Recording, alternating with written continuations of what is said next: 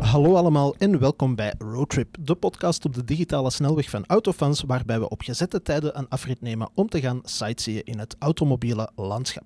Ik ben Wim van Autofans en wie via YouTube kijkt, die ziet dat we ons weer eens op locatie bevinden. Dat kan maar één ding betekenen, dat we onze Yves hebben ingeruild voor een paar eminente gasten. En de eerste is de gastheer van onze locatie en dat is voor de aandachtige kijker de BMW-hoofdzetel in ons land in Bornem. Ooit stroper als journalist voor de tijd, vandaag boswachter als PR- en communicatiemanager bij BMW, Jeroen Lisses. Dankjewel. Goedemorgen. En de andere vertegenwoordigt het bedrijf dat ervoor zorgt dat mijn loon elke maand netjes op mijn rekening verschijnt. Dus ik ga ze een beetje moeten paaien en niet te hard op de rooster leggen. Expert in boekhouding, human resources en fiscaliteit van Consilanto. Goedemorgen en welkom, Johan Jacobs. Goedemorgen, Wim. Uh, Johan, heb ik dat een beetje goed samengevat? Boekhouding, fiscaliteit en uh, human resources? Ja, klopt helemaal. Ik denk dat dat een beetje een volledig beeld geeft van wat wij doen. Wel, het klinkt vooral als uh, heel veel dingen met getallen en laat dat nu net iets zijn waar ik helemaal niet zo goed in ben. um, we gaan het vandaag hebben over de zakelijke markt en over autofiscaliteit. En voor mensen nu al beginnen wegstappen, voor mij is dat een beetje een blinde vlek op de kaart. Um, dus de bedoeling is dat we vooral heel laagdrempelig over fiscaliteit gaan praten. Ik had op voorhand gezegd, misschien moet ik een bordje in de lucht steken als ik het niet meer begrijp. Of gewoon mijn vinger opsteken. Meester Johan, kun je dat nog eens uitleggen? Dat um, moet je zeker doen. Voilà. Uh, Johan, ook normaal gezien ging uw collega Chris hier zitten, die klant is bij Jeroen, maar die uh, de eerste Lotus Elettre-eigenaar is in ons land die ik ben tegengekomen. Uh, hoe zit dat met u trouwens? Uh, ik rij met een Mercedes EQV. Ai, dat is een naam die je hier niet luid op mocht uitspreken, nee, vrees ik. Ik weet het. maar dus met andere woorden, ik ga ook wel voor het volle elektrische mm -hmm. verhaal. En mijn groot gezin uh, ah, was ja, de voilà. V-klasse, de wagen die uh, voor mij het meest geschikt was. De wagen bij uitstek. Schuilt er voor de rest een autoliefhebber in u? Of is het iets wat gewoon zakelijk een beetje eraan te pas komt? Ja, het is inderdaad zakelijk iets dat eraan te pas komt. Ja. Ik heb heel weinig met wagens, mm -hmm. maar uiteraard. Maar alles met fiscaliteit hoort dat erbij. Voilà, kijk goed. Alright. Uh, Jeroen, jij bent 100% autoliefhebber, maar ook 100% motorliefhebber, heb ik gehoord. Ja, dat uh, heb je goed gezien. Mogelijk op mijn sociale media. Voilà, klopt. Ja. kan dat trouwens, Johan, fiscaal 200%? Want ik heb hier twee keer 100% met elkaar opgeteld. Uh, hoe bedoelt je? Ja, ik zei 100% autoliefhebber en 100% motorliefhebber. Ah ja, dan heb je 200%. Voilà, maar dat is fiscaal volledig. Fiscaal is dat helemaal voilà, alright. Kijk, we hebben nu al bijgeleerd. Zie eens, ja. kijk, zo moeilijk is dat niet blijkbaar. uh, Jeroen, wat staat er in de garage bij u momenteel? Of wat heeft daar eigenlijk ooit gestaan? Want ik, ik denk niet dat ik dat ooit al heb gevraagd. Nee, ik, ik ben op de elektrische kar gesprongen, mm -hmm. al vrij vroeg, uh, omdat ik ook vind dat we daar een voorbeeldfunctie in hebben. Ik ja. moet heel eerlijk zijn, ik ben hier vanochtend toegekomen met een Z4, gezien oh. het mooie weer. Uh, daar geef vind ik, het ook heel leuk in. om naast de motor eh, cabrio ja. te rijden. Ah ja, voilà. In het elektrische gedeelte vrij vroeg, ik neem aan dat Ja, dan absoluut. Een... Um, omdat we zijn daar als merk ook niet alleen de pionier in geweest mm -hmm. met de i3 ja. in 2013 al. Uh, maar die duurzaamheid, die elektrificatie blijft wel een beetje een rode draad bij BMW. Ook heel belangrijk voor, voor de zakelijke markt, daar gaan ja. we het zo dadelijk over hebben. Ja. Hè, maar maar, maar het, het hele duurzame elektrificatieverhaal, we proberen er ook op lokale uh, manier een impact te hebben. Denk mm -hmm. maar aan de e-drive zones in tien grote Belgische steden waar hybride BMW's automatisch op full electric mode gaan schakelen. Ja. Denk aan onze samenwerking met Luminus voor mm-hmm. groene stroom. Dus elektrificatie is voor ons allee, ook veel meer dan een fiscaal verhaal, maar is vooral een verhaal van kom, we gaan die mobiliteit ja. vergroenen en wij mm-hmm. spelen ons rol. Ja, ik wist niet dat dat al bij ons werd ingevoerd, ook die, die e-drive zones. Dus dat is echt op basis van navigatie dat een auto weet van ik kom hier in een niet alleen ja. een lage emissiezone, maar gewoon een stedelijke zone. Dus, ja, dus ik schakel over. Ik heb uh, de gelegenheid gehad om het zelf te mogen afbaken met ah, een ja. fluo-stift en het naar de collega's in München zo te sturen, uh -huh. die dan met geofencing ah, het hebben maar. afgebakend. En in Antwerpen, um, Wim, gezien je charmante accent waar jij Ik kan het vandaan niet komt, verbergen. Hè. Dat is die grens, bijvoorbeeld de single. Hè. Als je de single overrijdt, valt die uh, motor uit. We hebben dat gedaan om de mensen eigenlijk te laten kennismaken met gemak en comfort van elektrisch rijden. Mhm. Mm -hmm. En zonder eigenlijk uh, allee, het, de verlies van autonomie te hebben en tegelijk vooral een, impact hebben lokaal op de luchtkwaliteit in de steden. Hè? Dat is voor ons het belangrijkste. Ja, voilà. Right. Um, ik vind het sowieso tof dat je erbij zit, Jeroen, want ik zei het op voorhand, je hebt als journalist voor de tijd gewerkt, de zakenkrant bij uitstek. Dus je hebt de bedrijfswagen, als we dan even de fiscaliteit tot dat mogen samenvatten, doorheen de jaren ook wel zien evolueren, denk ik. Hè? Absoluut, we hebben dat gezien. Eh, maar bedrijfswagen, daar gaat Johan zeker veel meer over vertellen mhm. dan ik, is, is eigenlijk in België ook een stukje, een stukje verloning, een stukje fiscaal gunstige verloning.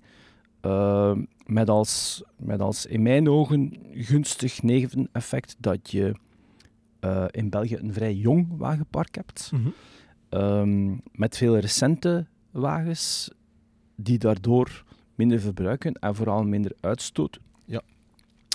Um, de, de nieuwe fiscaliteit en ook mhm. de, de toekomstige van eind deze maand duwt ons verder in de richting van die vergroening. En dat is op zich een goede zaak. Mhm. dat, we, dat we er eigenlijk voor zorgen dat de mobiliteit groener wordt, dat de fiscus ons in die richting duwt. Mhm.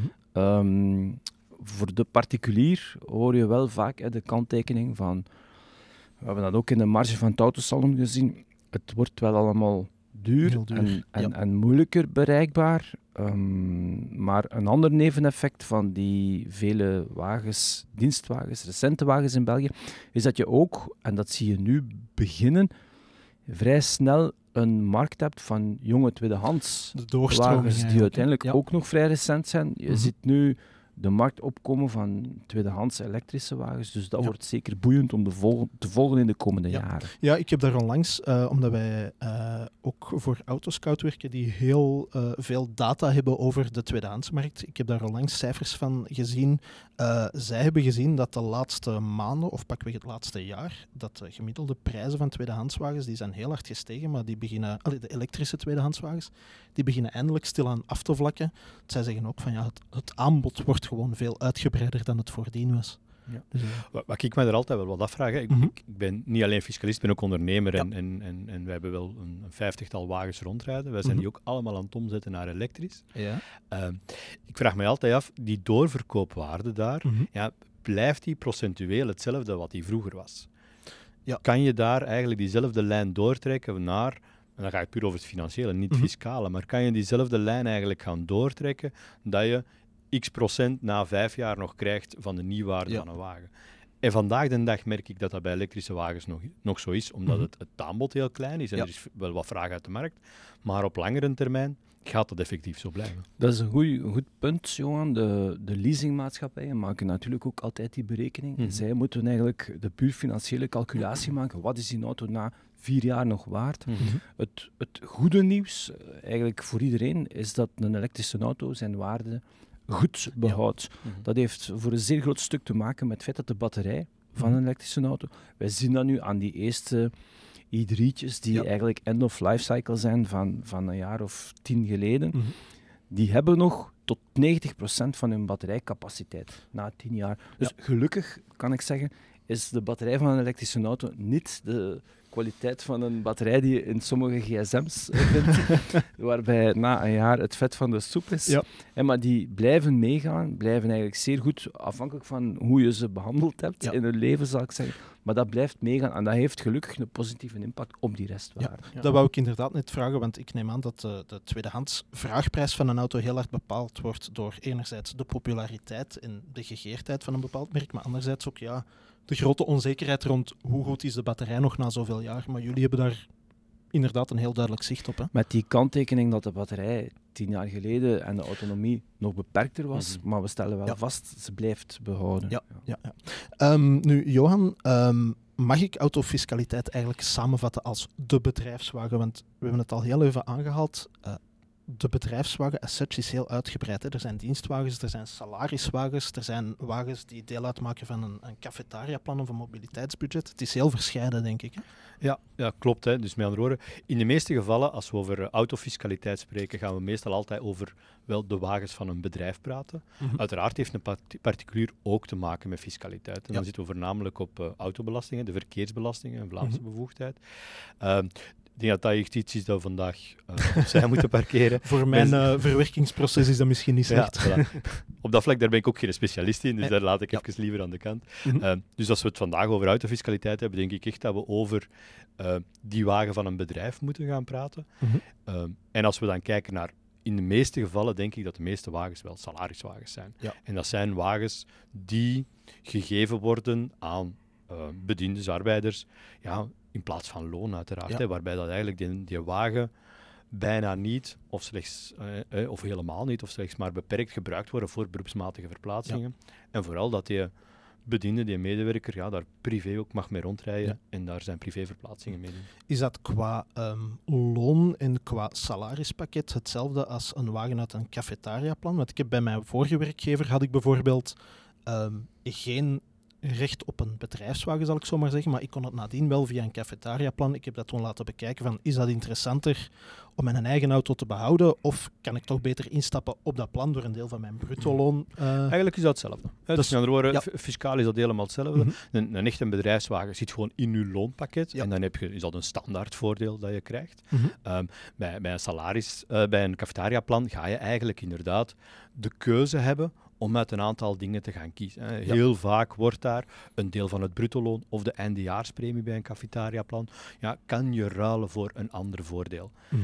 ja, en de fiscaliteit in België is dan zo dat je um, een, een eindejaarspremie of het bovenste deel van je bruto-loon wordt eigenlijk plat belast. Je houdt daar netto amper iets aan over. Mhm. En als je dat kunt omvormen naar een ander voordeel, dan is het privé uh, het privévoordeel, het privé-nut daarvan veel groter. Veel interessanter. veel interessanter. Ja. Ehm, uiteraard uh, voor die medewerker, voor die mm. Ja, en de populariteit van zo'n cafetaria-plannen bewijst dat dat echt een succes is. Hè. We hebben het hier ook bij BMW Belux trouwens. Heel wat uh, collega's mm. hebben een bedrijfsauto, een dienstauto in het kader van zo'n cafetaria-plan. Ja. ja, en het wordt ook veel uitgebreider, denk ik. Hè, want laten we zeggen, tot pakweg vijf jaar geleden was het meestal een auto of uh, ik denk zelfs uh, ja, concrete materialenvoordelen, een, een laptop hmm. of iets anders. Hmm. Maar nu wordt het ook, uh, dat is dan het mobiliteitsbudget neem ik aan, hmm. openbaar vervoersabonnementen, fietsen enzovoort. Dus ja.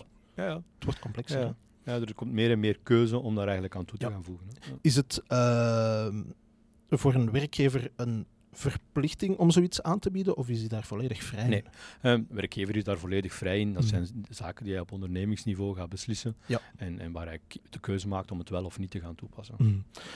en is het voor een werkgever interessant om dat te doen of is het alleen voor de werknemer interessant? Omdat je er net zei van het is het bovenste gedeelte van het bruto loon waar dat je anders niks aan overhoudt. Ja. Ehm, in, in de meeste gevallen merk ik eigenlijk dat, het, uh, dat de werkgever geen voordeel heeft. Ja. De werkgever uh, gaat eigenlijk zijn, zijn totale kost die hij anders zou hebben aan loonkost, mm gaat hij op een andere manier aan de werknemer geven. Ehm, waardoor dat het voordeel helemaal niet bij die werkgever ligt, maar daar wel um, voor zorgt dat zijn werknemer daar meer netto aan overhoudt. En mhm. uiteraard concurrentieel. Hè. We weten allemaal dat er een krapte is op de arbeidsmarkt voor bepaalde profielen. Ja, je maakt je concurrentieel wel veel interessanter als je op die manier je werknemers beter kunt gaan verlonen zonder dat het u meer hoeft te kosten. Want uw kost blijft uiteraard, uh, wordt daar eigenlijk gelijk ja, ja, Ik neem aan, Jeroen, dat dat bij jullie ook wel allee, een van de aantrekkingskrachten van BMW als werkgever is. Hè? Absoluut. En het is misschien een beetje contra-intuïtief, maar de mhm. fiets uh, in dat pakket is bij ons een van de populairste ah, genomen uh, zaken. Ja.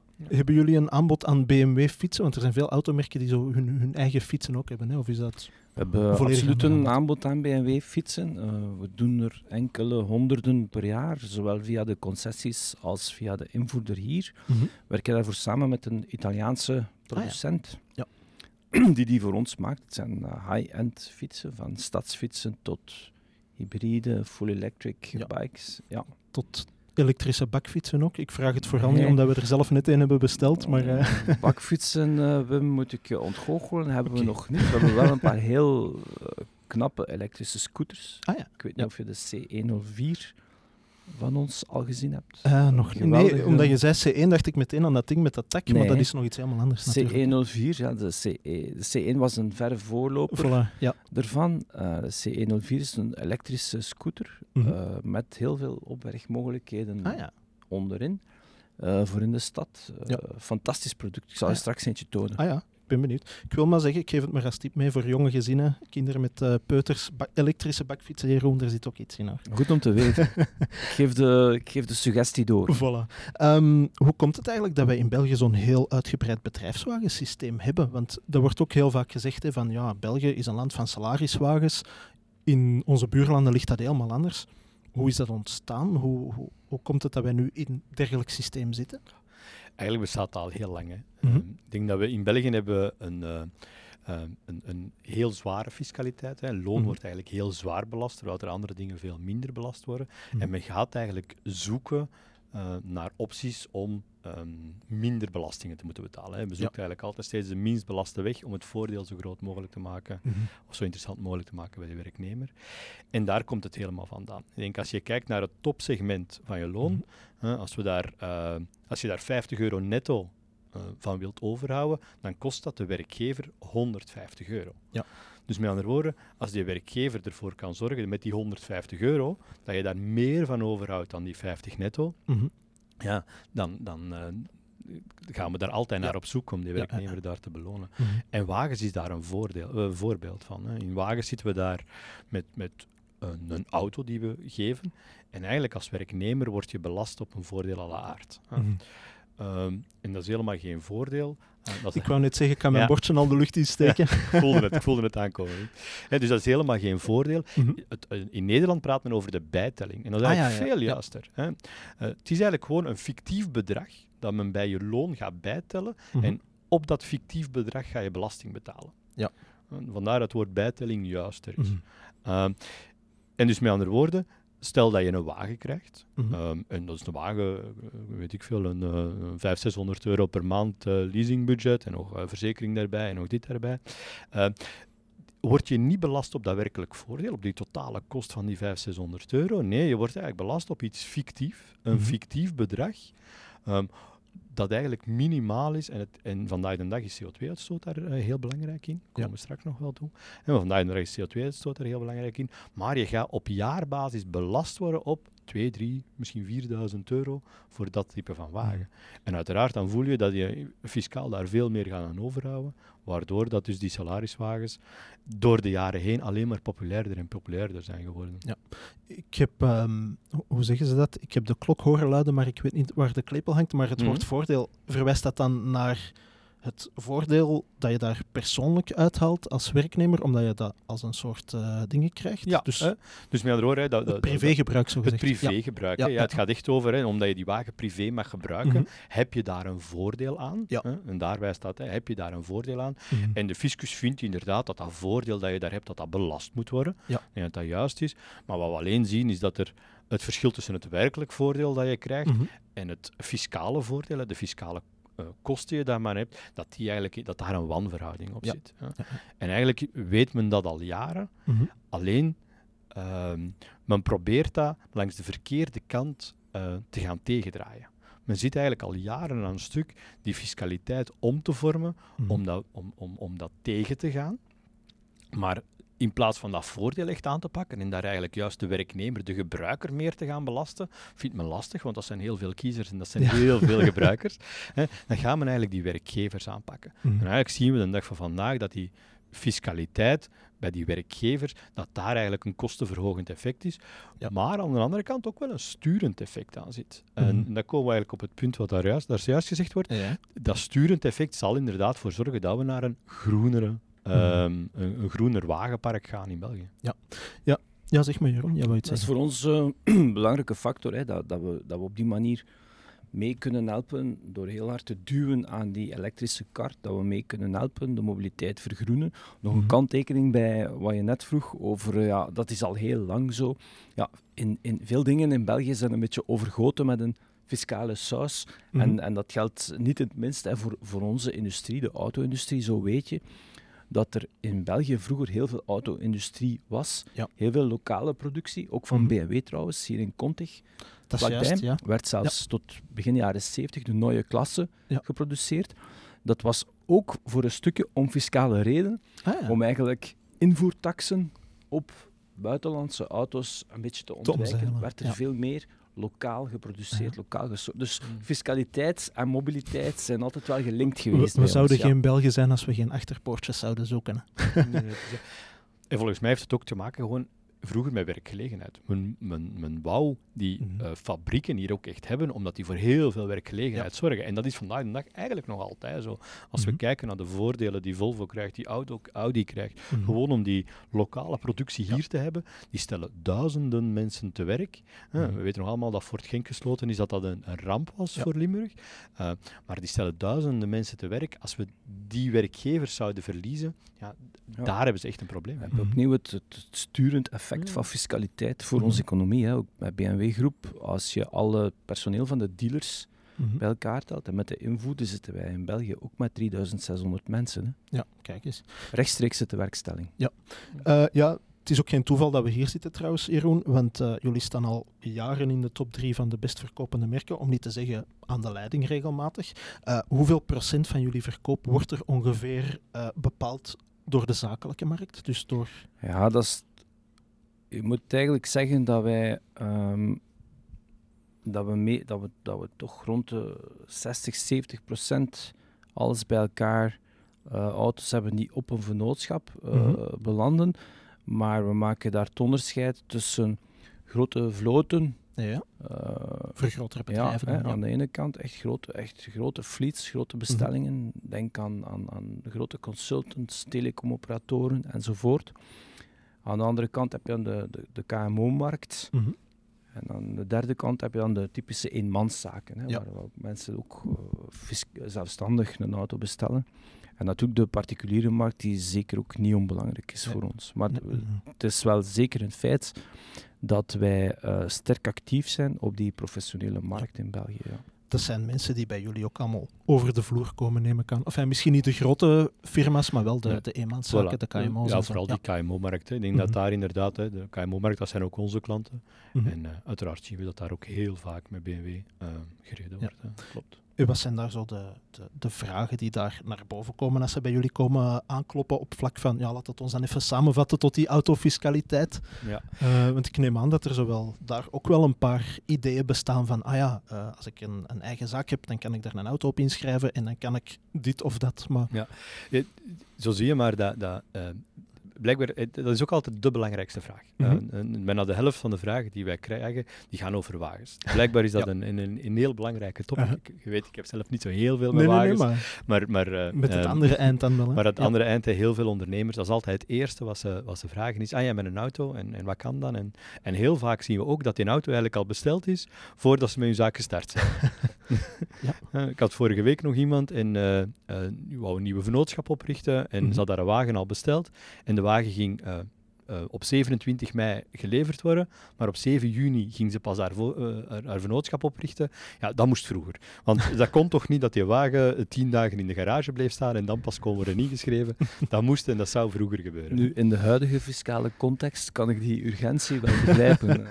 het was een vol elektrische, dus ah, eigenlijk was het uh, onterecht. Ze, ze, had nog tijd eigenlijk. Ze had eigenlijk voldoende tijd. Ja. Wel, die, die fiscale context... Um, voor jullie allebei komt er een hele belangrijke datum aan. We zijn nu, uh, het moment dat we dit opnemen, zijn we begin juni, maar 1 juli is een deadline hè, op autofiscaal vlak. Ja. Uh, leg eens uit, wat zit daar precies aan te komen voor de, de leken onder ons? ja, het, het, is opnieuw weer voor de, voor de bedrijven dat het mhm. verandert, uiteraard. Hè. En het, het, gaat met name om die fiscale aftrekbaarheid van die wagen. Hè. Dus zoals mhm. je weet, als je een kost maakt in de vennootschap, dan uh, heeft dat een, een belastingbesparend effect. Ja. Uh, dus met andere woorden, als je een kost maakt van, van 100 euro, eigenlijk betaal je dan vaak 20 tot 25 euro minder belastingen, omdat je een kost hebt gemaakt van 100 euro. Mhm. In de veronderstelling dat die kost van 100 euro ten volle meetelt als 100 euro kost. Dat is onze percentage aftrekbaarheid. Hè. Mhm. Een, een, kost die 100% aftrekbaar is, die telt ten volle mee. Uh, bij wagens uh, zien we daar al jaren dat kosten niet meer voor de volle 100% aftrekbaar zijn. Hè. Dus mhm. een kost van 100 euro, men is begonnen aan 75%, uh, 15 jaar geleden denk ik, uh, was een kost van 100 euro voor 75% aftrekbaar. En door de jaren heen is dat eigenlijk altijd geëvolueerd, uh, waar dat, dat vandaag op basis uh, op vlak van CO2-uitstoot is. Ja. Wat verandert er nu met name op 1 juli 2023? Dat is dat voor auto's die nog emissie uitstoten. Mhm. dus het gaat niet over elektrische wagens, maar eigenlijk ook niet over eh, wagens met een. Um, adieu. Nee, we hebben wel mijn verbrandingsmotor, maar die, uh, het is niet uh, waterstof. Ja, sorry, dat was het woord dat ik zocht. Eh, auto's die waterstof uitstoten, mm. ook die blijven nog 100% aftrekbaar. Dus Gelukkig. ja, voilà, nou, daar is nog heel veel werk. Um, dus met andere maar voor alles met een verbrandingsmotor, mm -hmm. daar gaat men zien dat eigenlijk vanaf 1 juli mm -hmm. er een uithoofdscenario is. Voor auto's die besteld worden na, uh, na 1 juni, is er een uithoofdscenario waardoor dat die wagens die dan besteld worden vanaf 2025 niet meer aftrekbaar zou zijn. Um, geldt dan die deadline van 1 juli, gaat dat dan, want jullie gaan dat ongetwijfeld zien in de vraag die jullie krijgen bij de dealers voor, voor uh, niet-zero-emissie voertuigen. Geldt het dan om de datum die op de bestelbon staat? Geldt het om de datum die op het inschrijvingsformulier staat? Wat is er net van belang. Welke datum moet er op welk papier staan? Ik zal het zo zeggen. Ja.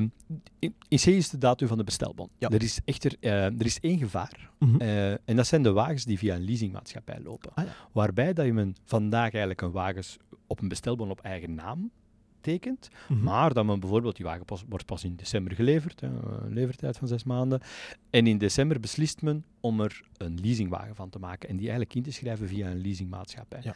Dan gaat men eigenlijk kijken naar een datum van het contract. Mm -hmm. Er is vandaag nog wel wat onduidelijkheid over. Ik heb vandaag wel een bestelbon getekend op mijn persoonlijke naam, mm -hmm. maar mijn leasingcontract is pas getekend in, in december. december. Daar zou er een probleem kunnen opduiken. Ja, alright. Um, nu, jij zei mij ook op voorhand, Johan, uh, er is een verschil tussen de aftrekbaarheid van de BTW en de aftrekbaarheid van de belastingen. Hè? Heb ja. ik het zojuist geformuleerd? Ja, ja, klopt, Wat is dat precies? Ik ga mijn bordje nog eens opnieuw omhoog steken. Want uh, ik zou denken, BTW en belastingen dat is hetzelfde, maar dat is dus niet helemaal nee, waar. Nee, nee, nee, dat is helemaal niet waar. Hè. Dus met andere woorden, we praten hier uiteraard, uiteraard alleen maar over aftrekbaarheid van belastingen. Mm -hmm. BTW is echt een aparte wetgeving, heeft aparte regels. Mm -hmm. uh, BTW is uiteraard voor de onderneming zelf, voor diegenen die ook BTW in aftrek mogen nemen. Niet elke onderneming ah, nee. mag dat. Ja. Hè? Dus met andere woorden, het gaat eerst al over uh, ondernemingen die BTW-plichtig zijn en zelf BTW ook uh, aanrekenen aan hun klanten. Mm -hmm. uh, en daar gelden andere regels. Die regels veranderen niet. En daar gaan we eigenlijk kijken naar het percentage beroepsgebruik voor wagens. Ja. Daar zijn regels, daar zijn formules over om dat mm -hmm. te gaan bepalen. Maar eigenlijk kijkt men daar gewoon naar het percentage beroepsgebruik. En daar zou je eigenlijk een echte salariswagen uh, niet mogen aftrekken. Maar daar zit wel een tolerantie op, want eigenlijk gaan we daar vaak heel vaak toch 35% van toestaan. Ja.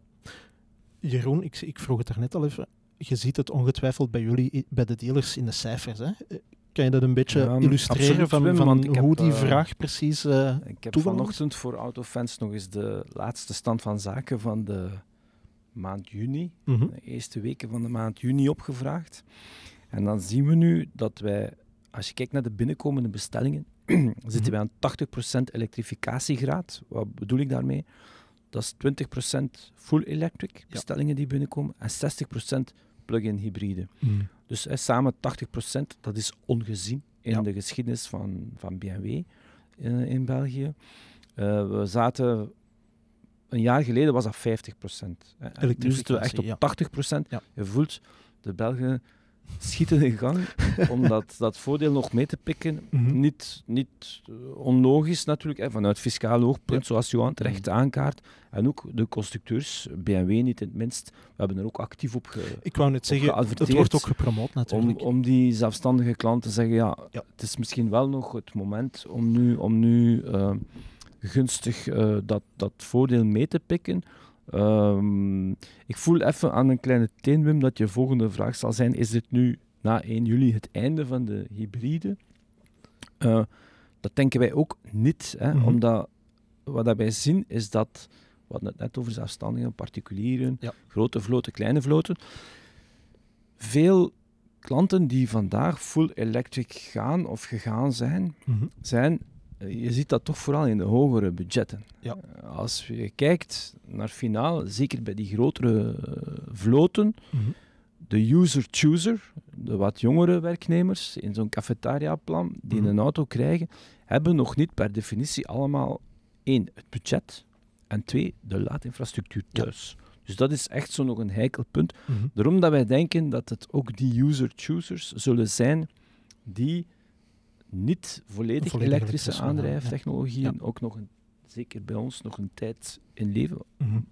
Met de kanttekening die Johan gaat maken, en dat de fiscus ons wel verder stimuleert en dat de infrastructuur hopelijk, hè, Touchons mm du bois, verder groeit en evolueert. Ja, klopt inderdaad. Hè. Ik denk mhm. inderdaad dat daar de, de fiscaliteit ons gaat sturen. En dat echt die salariswagens, dat daar echt die hybrides...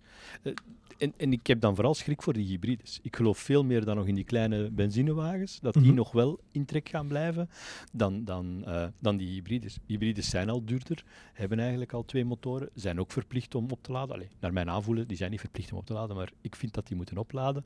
Want anders rij je met een veel te zware... Uh, dat is een beetje probleem van vroeger geweest, denk ik. Hè? Ja. Die fake Daar doen we dus ook alles aan om de klant daar te nudgen en te helpen oh. om hij... Uh, uh, die e-drive zones die ik mhm. net heb verteld, zijn daar een groot voorbeeld van. Mhm. Maar we, we, blijven ook van mening dat hybride, het is nog altijd goedkoper dan full electric, ja, veel goedkoper en bereikbaarder. En het is voor ons een interessante transitietechnologie mhm. om de klant die vroeger een diesel- of een benzineauto had, te laten kennismaken, al is het maar op korte afstandjes, met het comfort en, mhm. en de, de, stilte en het vermogen van puur elektrisch rijden, zonder dat hij al schrik moet hebben van, ja, ik kan nog niet laden, of ik wil naar Zuid-Frankrijk, het typische verhaal dat we elke zomer in de kranten zien opduiken. Onze journalist reed naar Zuid-Frankrijk en het duurde zes weken eer dat hij er was. Nee, dat is allemaal heel snel aan het bewegen. Uh, voilà. Want dat, loopt, dat gaat allemaal veel vlotter dan, dan dat mensen denken. Hè. Ik denk mhm. dat, hè, we rijden beiden elektrisch. Ik ben vorig jaar, vorige zomer, naar Italië geweest. Dat liep zonder een dakje, zonder problemen. Hè. Uh, je doet dat op je gemakje. Mm. Uh, je rijdt drie uren. Je laat een half uur, drie kwartier. Je rijdt terug drie uren. Zo zou je ook moeten rijden richting het zuiden om daar voldoende mm. rustpauzes in te lassen. En je wordt dan met een elektrische wagen een beetje verplicht. Maar eigenlijk al bij al valt dat redelijk goed mee. Hè. Ik ben nog blij om te horen, Johan, je opmerking die je net maakte over waterstof. Ook daar zijn we actief. het is goed om te weten, als die mm. technologie er komt, in de tweede helft van het decennium lanceren we dat mhm. op de markt commercieel. Het is goed om te weten dat we dan ook fiscaal een interessante optie mhm. kunnen aanbieden. Ja, ja, ja, ik denk dat dat zeker een fiscaal goede optie is. Mhm. Eh, voor, ja, voor diegenen die echt die lange afstanden moeten doen. Hè, want ik denk dat daar, je, je merkt toch bij veel klanten, als, als ik met klanten praat, ja, ja, elektrisch, ik weet wel dat dat fiscaal uh, de, de, de toekomst is, maar ja, hoe ver kan ik daar rijden? 400 kilometer. Mm en ze hebben allemaal schrik van die afstand en van, van stil te vallen en zonder batterij te vallen.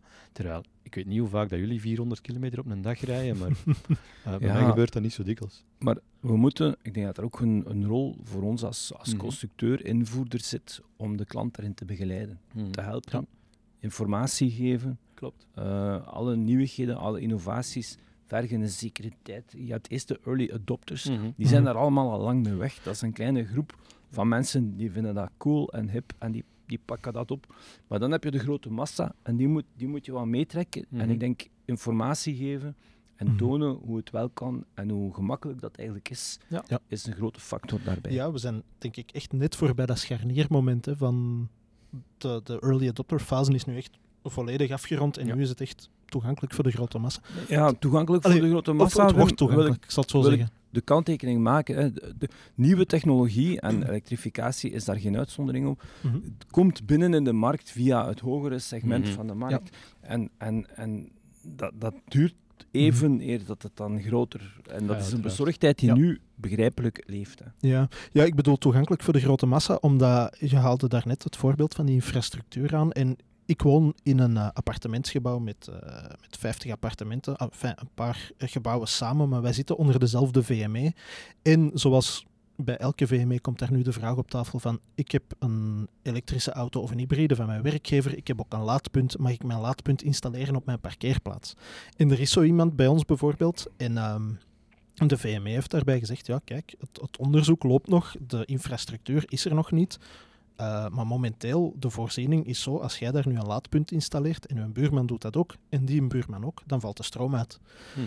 Dus de, de technologie wordt toegankelijk voor de mensen die, nog, ja, die er nog een beetje zoekende in zijn, denk ik. Dat, dat, is exact het voorbeeld van die user-chooser dat ik net gaf, dat, waarmee dat ik wou illustreren ook, mhm. wat dat jij eigenlijk doet, dat, dat het nog niet voor iedereen het is niet met de vingerknip dat we het nee, nee, zeker niet. het is een verhaal van lange adem, en, maar we zijn bezig. En je voelt je voelt het momentum. Dus En voornamelijk in die, in die VME's, daar ontbreekt vooral wetgeving. Ja, ja zeker ik Ben, ik ben zelf ehm, lid van een RVME, hè, de, de, de, diegene die de VME eigenlijk aansturen, mhm. voor een parkeergarage van 260 uh, eh, staanplaatsen wij ontbreken daar gewoon wetgeving. Wij, ook daar komt die vraag uiteraard uh, vanuit, vanuit de mensen die daar willen laten. Ik zelf ook trouwens, ik moet daar niet flauw ja, ja, Ik ben even goed vragende partij. Ik ben ook dus, vragende partij.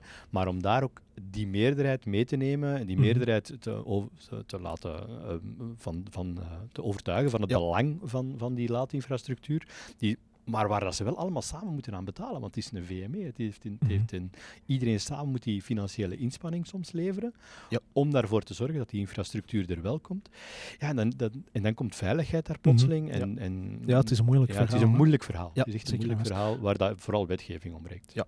Uh, om even terug op het hoofdspoor te komen, Jeroen. Um, ik wou nog even teruggaan naar uh, wat je daarnet zei. Van, ja, die, we zien dat echt in de cijfers dat er een enorm toenemende vraag is. Is dat iets waar jullie ook uh, bij de hoofdzetel in München mee kunnen aankloppen en zeggen van kijk, uh, bij ons verandert de wetgeving binnenkort. Uh, we hebben een grotere allocatie plug-in hybrides nodig van de 3-reeks, de 5-reeks, de X5, ik noem maar een paar dingen. Zijn ze er zelf van op de hoogte? Hoe zit dat Wij zijn natuurlijk constant, ligt er een lijn open met de collega's in München, -hmm. die, die met grote interesse meevolgen wat onze verwachtingen en onze, onze onze marktplannen zijn. Natuurlijk, België is niet wereldwijd niet zo'n heel grote markt. En het is ook zo dat BMW wereldwijd heel hard inzet op elektrificatie. Ja. De, de, de, Belgische markt is zeker niet alleen met die uh, uh, snelle elektrificatie. Denk aan Nederland, de mhm. Scandinavische landen. Ja, ja. Waar je, als je de kaart van Europa ziet, kan je een beetje zien dat in het noorden... het zakt langzaam naar het zuiden. Bijna full electric alleen is. En, dan, en wij zitten zo ergens, wij zitten zo ergens het in het midden. Hè, wat maakt dat we, dat we niet noodzakelijk op internationaal gebied er echt uitspringen als... Mm het land van de plotselinge revolutie of zo. Hè. Dus, de, de automarkt is gelukkig groter hè, dan België alleen, maar, maar het is interessant om te volgen. En uiteraard uh, uh, passen wij onze, onze, onze vraag aan uh, in mhm. functie van, van de vraag van de markt. Ja, ja. Dat, dat is evident. Het is, wat ik ook nog wou vragen, ik vond dat een heel interessante vraag, omdat jouw collega, die hier normaal vandaag had geweest, die heeft ons toegefluisterd van ja, de auto die ik momenteel heb, dat was strategisch gezien misschien niet de meest interessante keuze, maar hij was er wel allee, het een beetje met zijn hart gekozen ook. Dus de vraag is, moet je bij een auto voor de zaak altijd kiezen voor de fiscaal meest interessante keuze of de meest economische keuze? Of mag er toch ook een beetje emotie bij komen kijken? Ook al is dat waarschijnlijk wat snijden in uw eigen vel. dat is een keuze die iedereen voor zichzelf gaat moeten mhm. uitmaken. Hè. Ehm, dat hangt er ook van, vooral vanaf aan hoeveel belang dat je aan die wagen schenkt. Hè. Mhm. Ik weet, uh, mijn collega heeft een, eh, een BMW 8 gekocht. Mm um, ik wou het niet luid op zeggen. Ja. dat is ongeveer het enige model dat we niet als hybride en nog als elektrisch nee, nee, Ik vermoed dat hij vandaar zoiets had van, dat was niet de meest strategische Fisca keuze. Fiscaal is dat geen goede keuze. -huh. Ik had het er straks al over dat voordeel alle aard, die bijtelling. Ja, voor een wagen zoals een BMW 8 telt dat stevig door. Ja, hij wordt daar eigenlijk privé redelijk hard op afgestraft om met mhm. die wagen rond te rijden. Um, eigenlijk betaalt hij daar gewoon de correcte fiscale prijs voor. Dat is eigenlijk wat het is. Maar als hij vandaag, hè, want hij, hij, heeft een nieuwe wagen besteld, ik heb het er straks al genoemd, Wim, uh, hij heeft een Lotus e-letter gekocht. Mm -hmm. um, ja, die, het is een, een even mooie wagen waarschijnlijk en een, een wagen met heel veel uitstraling, maar fiscaal uh, betaalt hij nog maar een fractie van wat hij voor die BMW 8 betaalde. Hè? Waarschijnlijk wel. Uh, dus daar zit een heel groot verschil. Uh, maar uiteraard gaat het uiteraard nog altijd over dat wat je graag mee rijdt. Niet -hmm. iedereen moet met een elektrische Fiat 500 gaan rijden, omdat dat het laagste voordeel alle aard heeft. als je graag met een mooie wagen rijdt, moet je zorgen dat je mhm. een mooie wagen hebt. en, en dat hart mag nog altijd meespelen. Ik denk dat daar ook vooral het ding ligt van, en dat belangrijk om te zeggen, het is niet dat je na 1.7 geen auto niet meer kopen met een verbrandingsmotor. Hè? Nee, nee, het kan nog altijd. Het kan nog altijd. Hè? Ja. Het gewoon, het fiscale, het fiscale voordeel dat de vennootschap daarvoor heeft, hè, de, mm -hmm. ja, dat zal verdwijnen geleidelijk ja. aan. Ja. En de vraag is ook of dat, dat zo belangrijk is als je, als je over voldoende geld beschikt en graag met een BMW achteruit. Mm -hmm. Ja, de, de, de, de automarkt, hoe ze er vandaag uitziet, is natuurlijk voor een stuk al fiscaal getekend. Hè. Mm -hmm. Uh, maar sta mij toe om deze voorzet toch even binnen te koppen, Wim. Als je dan kijkt naar onze marktleiderspositie in de Belgische markt, als merk met als slogan Freude aan varen, hè, rijplezier. Dat ging eigenlijk mijn vraag zijn. Uh, dus, uh. ja, wij slagen erin om dat rijplezier, dat, dat emotionele kantje, mm -hmm. de Belg die eigenlijk van zo'n auto, die graag met een auto, die graag een mooie auto zit, mm -hmm. als je dat kan verzoenen met een fiscaal interessante uh, optie die eigenlijk voor een vergroening zorgt, is dat natuurlijk helemaal mooi meegenomen. Ja. Um, moet er per definitie een nieuwe auto worden gekozen? Of kan een bedrijf ook zeggen van kijk, er is een tweedehands aanbod waar wij uit willen kiezen.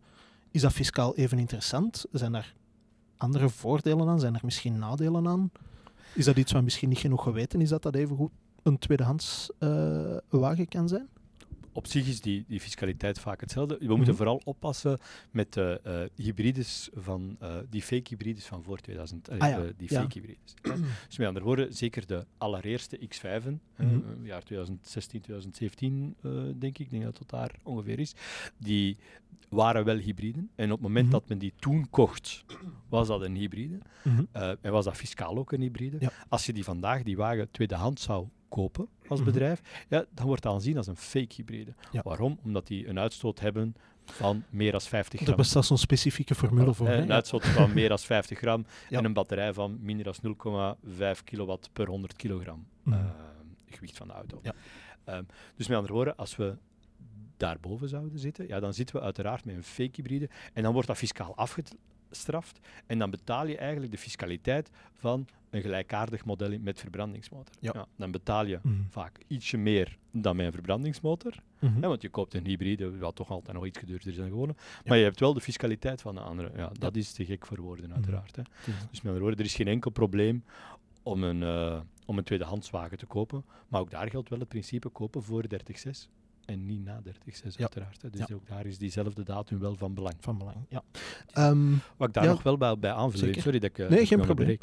Uh, dat is dat mensen moeten ook geen nieuwe wagen kopen altijd. Mm. Um, uh, mensen denken altijd van, ah, mijn wagen is vier jaar, hij is afgeschreven mm. en nu moet er een nieuwe maken. Ja, dat klopt niet uiteraard. Hè. Je kan perfect ook als bedrijf zes, zeven jaar een collega van BMW gaat niet graag horen, zes, zeven jaar uh, blijven rijden met een mhm. wagen en die pas na zeven jaar vervangen. Ja. Er is geen must om per se, uh, uh, als uw wagen afgeschreven is, een nieuwe te kopen. Ik zie het stom uit de woorden. Nee, absoluut niet. Nee, ik, ik, maak graag ja. de toevoeging dat, dat er ook een heel levendig circuit van zeer jonge tweedehands mm -hmm. Denk directiewagens, ja, demowagens bij de dealers, waarbij een, een nagelnieuwe wagen niet noodzakelijk is, mm -hmm. maar de, en, en die van prijs veel aantrekkelijker zijn dan, dan hè, voor wie die drempel naar een 100% nieuwe wagen iets te hoog is. Hè? Absoluut. Ja. ja, absoluut. Ik ga trouwens mijn bordje nog eens omhoog steken en een boekhouding voor dummies vraag stellen, maar uh, die afschrijving, wat is dat precies? Want je hoort dat vaak, hè, van de auto is afgeschreven, dus ik koop een nieuwe. Maar ja.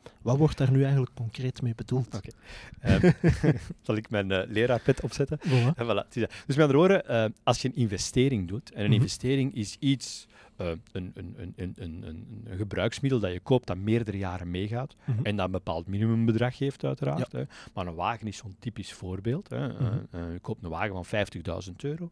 Dan gaan wij fiscaal zeggen van ah, voor ons gaat die gemiddeld 4 à 5 jaar meegaan. Hè. We gaan die 4 à 5 jaar dat gebruiksmiddel, die investering gaan gebruiken.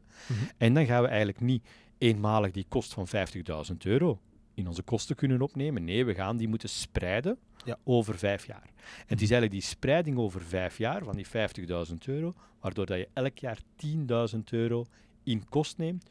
En dat noemen we eigenlijk afschrijven. Dus het ja. is in kost nemen van die investering. Mm. Um, er is nog zo'n ander uh, zinnetje, ik ga het even opzoeken, dat je wel heel vaak hoort. Um, ik ben het even... Ah ja, je had het er straks heel even aangehaald, maar als de boekhouder zegt, je moet nog kosten maken. Wat wordt daarmee bedoeld? Dat is er ook zo een die mij altijd heeft geïntrigeerd, omdat je dat wel hoort van zelfstandigen die zeggen, ja, ik moest kosten maken van mijn boekhouder, dus ik heb nog een auto gekocht. Ja, dus, die, die, die gaat geen klant zijn bij mij, want dat gaat, dat gaat iets zijn dat ik nooit niet zeg. Hè? Ik ben niet van het principe, je moet nog kosten maken. Mm -hmm. um, wat wordt daar eigenlijk mee bedoeld? Hè? Dat is van, ah, je bent een goed resultaat aan het halen, mm -hmm. hè? Het ziet er naar uit dat we veel winst gaan hebben. En mm -hmm. ja, jammer genoeg, veel, veel winst, wordt veel belasting. Ja.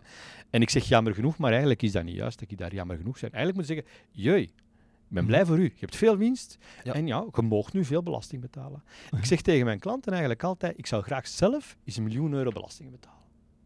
Ik zou er heel blij mee zijn. Heb ik 4 miljoen winst gemaakt. Zou ah, tof zijn, hè? Zou tof zijn? Dus met andere woorden, dat per se dat principe van kosten maken, mhm. eigenlijk is dat een verkeerd principe dat in de mensen in hun hoofd zit. Ja. Als je kosten maakt, moeten dat nuttige kosten zijn voor je mhm. bedrijf, waar je bedrijf echt iets mee is, of waar dat je door middel van een groepsverzekering of IPT, waar dat je uh, als bedrijfsleider privé een voordeel aan hebt, maar die wel uh, afrekbaar mhm. zijn in het vennootschap. Maar kosten maken om kosten maken, ja, dat is zeker niet nuttig. En als een klant dan met mij vraagt, Johan, ik moet nog kosten maken, dan zeg ik eigenlijk altijd, belt mij en ik zal u een factuur sturen. Ja. um, ik had nog een ding, maar misschien hebben we dat voor een groot deel al gecoverd. Um, een vraag van, stel, ik ben een werknemer en ik mag een bedrijfswagen kiezen. Waarop moet ik letten, los van het feit van, ja, we hebben natuurlijk het, het, het gedeelte um, fiscale aftrekbaarheid, uh, de deadline 1 juli. Kijk naar iets wat dat fiscaal gezien interessant genoeg is. Maar zijn er zo nog andere adviezen die jullie als, als uh, boekhoudingskantoor kunnen geven of als uh, advieskantoor voor werknemers of werkgevers liever van waar moet ik op letten? Wat is belangrijk? Wat mogen ze zeker niet doen misschien? Ik denk dat daar eigenlijk inderdaad die, die fiscaliteit, die CO2-uitstoot, want vandaag mm en dag kijken we heel hard naar die CO2-uitstoot, mhm. ook nog voor 30.6, want eigenlijk vandaag is die fiscaliteit tot 30.6 gebaseerd op die CO2-uitstoot. En vandaar dat die hybrides uh, zo populair zijn, omdat die fiscaal gestimuleerd worden door hun zeer lage CO2-uitstoot. Ehm, en, en, daar ga je dan voornamelijk dat verschil in gaan zien. Ik denk dat je voor de rest vooral moet kijken naar je eigen gebruiksgemak. Hè. Een mhm. wagen is iets waar je vijf jaar moet mee rijden. Hè. Ja, ehm, ja ik, ik ben blij dat je dat zegt, Johan. We moeten opletten, Wim, dat de keuze voor een nieuwe auto, dat het niet louter een fiscaal verhaal is. Nee. Dat er, hè, ik heb het verhaal van die user choose ja, gebruikt. Mhm. En wat Johan nu zegt, uh, we, we de, je moet er ook mee rijden. Mm Liefst op een zo aangename en efficiënte en veilige manier. En het moet een auto zijn die geschikt is voor jouw persoonlijke. Je kunt het u maar beter zo aangenaam mogelijk maken. En verwachtingen hè, in functie van jouw profiel. Mhm. En in die zin zie je wel dat, dat onze dealers, onze verkopers, maar ook adviseurs daar helemaal rond, mhm. zich meer en meer zijn aan het omturnen van een pure autoverkoper naar meer een mobiliteitsconsulent. Hè, waar, mhm. waar jij een rol in speelt waar, waar wij ons rol in spelen, waar mm jullie ook een rol in spelen met het geven van deze informatie, waar we mee bezig zijn. Dus je mhm. ziet, uh, maar we moeten opletten dat, het, dat, het, dat de keuze van een nieuwe auto niet louter maar een fiscaal verhaal is, want dan zit je de verkeerde auto bij de verkeerde mensen te, te zetten. Mhm. Ja.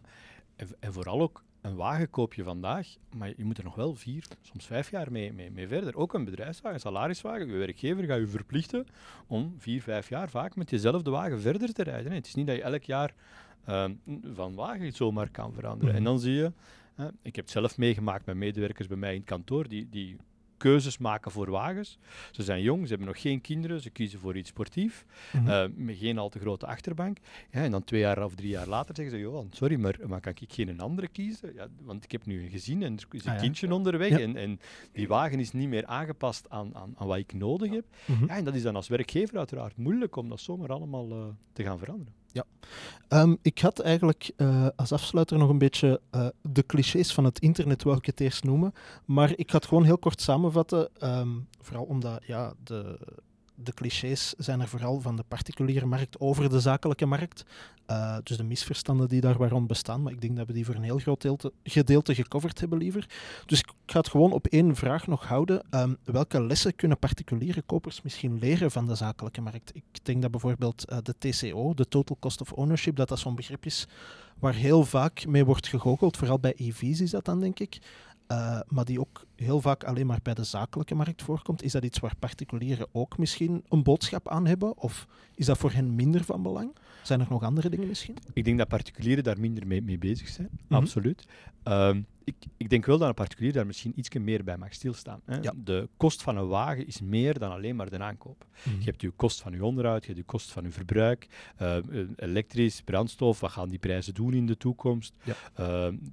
Uiteindelijke doorverkoopwaarde. Ik denk dat er uh, bij een auto veel meer komt kijken dan alleen maar die mhm. aankoop. En dat men daar toch ja, misschien wel wat bewustzijn mag rondkweken. Uh, en uh, voor de bedrijvenmarkt wordt dat heel hard uitge, uitgedrukt in een TCO-waarde, die, die overal verdeeld wordt en die voor alle modellen bijna beschikbaar is. Mm terwijl in de particuliere markt dat een begrip is die helemaal niet speelt en waar niemand naar kijkt. Nee. Dat is wel een vaststelling die je kan maken, is dat de Belg nog altijd, zeker de particulier, mhm. nog altijd veel belang aan het, net zoals op de vastgoedmarkt, dat je dat ziet dat heel veel Belgen eigenaar zijn van hun woning, dat de Belg nog altijd wel, zeker particulier, die een auto als bezit, als eigendom mhm. eh, wil. Uh, je ziet wel dat de markt in beweging is. Hè. Je, je ziet allerlei nieuwe initiatieven, deelauto's, uh, nieuwe vormen van mobiliteit. Er is wel een mhm. momentum, het beweegt. Het is super boeiend om actief in te zijn, om allemaal te zien. de transitie naar elektrificatie, al dan niet fiscaal gestimuleerd.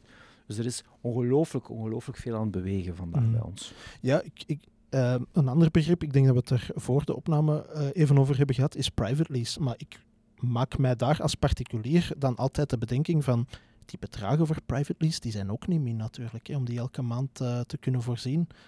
Dus ik begrijp wel waarom dan een particulier zegt van ja, ik wil hem liever gewoon kopen en afbetalen volgens het bedrag dat ik kan aflossen. Pardon. En dan is hij volledig van mij. maar ja, er, er beweegt inderdaad veel. Um, ik denk dat private lease inderdaad. Een, een, een, dat is iets minder jullie, jullie werkveld natuurlijk. Uiteraard, hè, dus, dus, wij gaan dat inderdaad. Maar, maar uh, ik, ja, mensen kijken op tegen die grote kosten die ze daar mm alle maanden hebben, maar ze vergeten wel dat als ze morgen een auto gaan aankopen, mhm. eh, ja, dat ze daar dan eenmalig die investering moeten doen, ofwel van hun spaargeld, ofwel een krediet voor gaan afsluiten.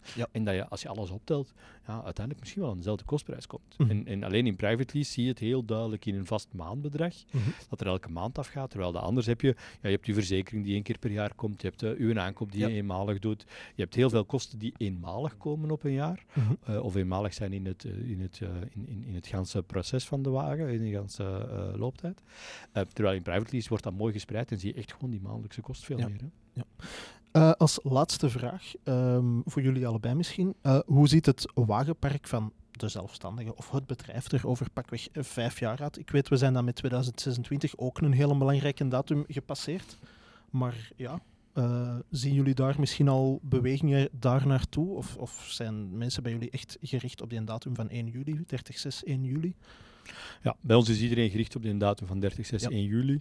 Wat wij wel zien is die trend naar elektrificatie. Mm Klopt dat, denk ik, een, een, een, toch een, een, significant deel al kiest voor een volle elektrische wagen, terwijl het eigenlijk fiscaal nog helemaal niet hoeft. Mm Maar dat zeker die trend wel is ingezet. Mm En waar dat we vandaag zien dat er nog heel veel snel mensen beslissen om een hybride aan te schaffen, mm of nog snel voor 30-6 die al die voordelen mee te hebben, omdat die nog niet overtuigd zijn van die range, van die afstand dat, de, dat die volle elektrische wagens kunnen hebben en die daarvoor kiezen.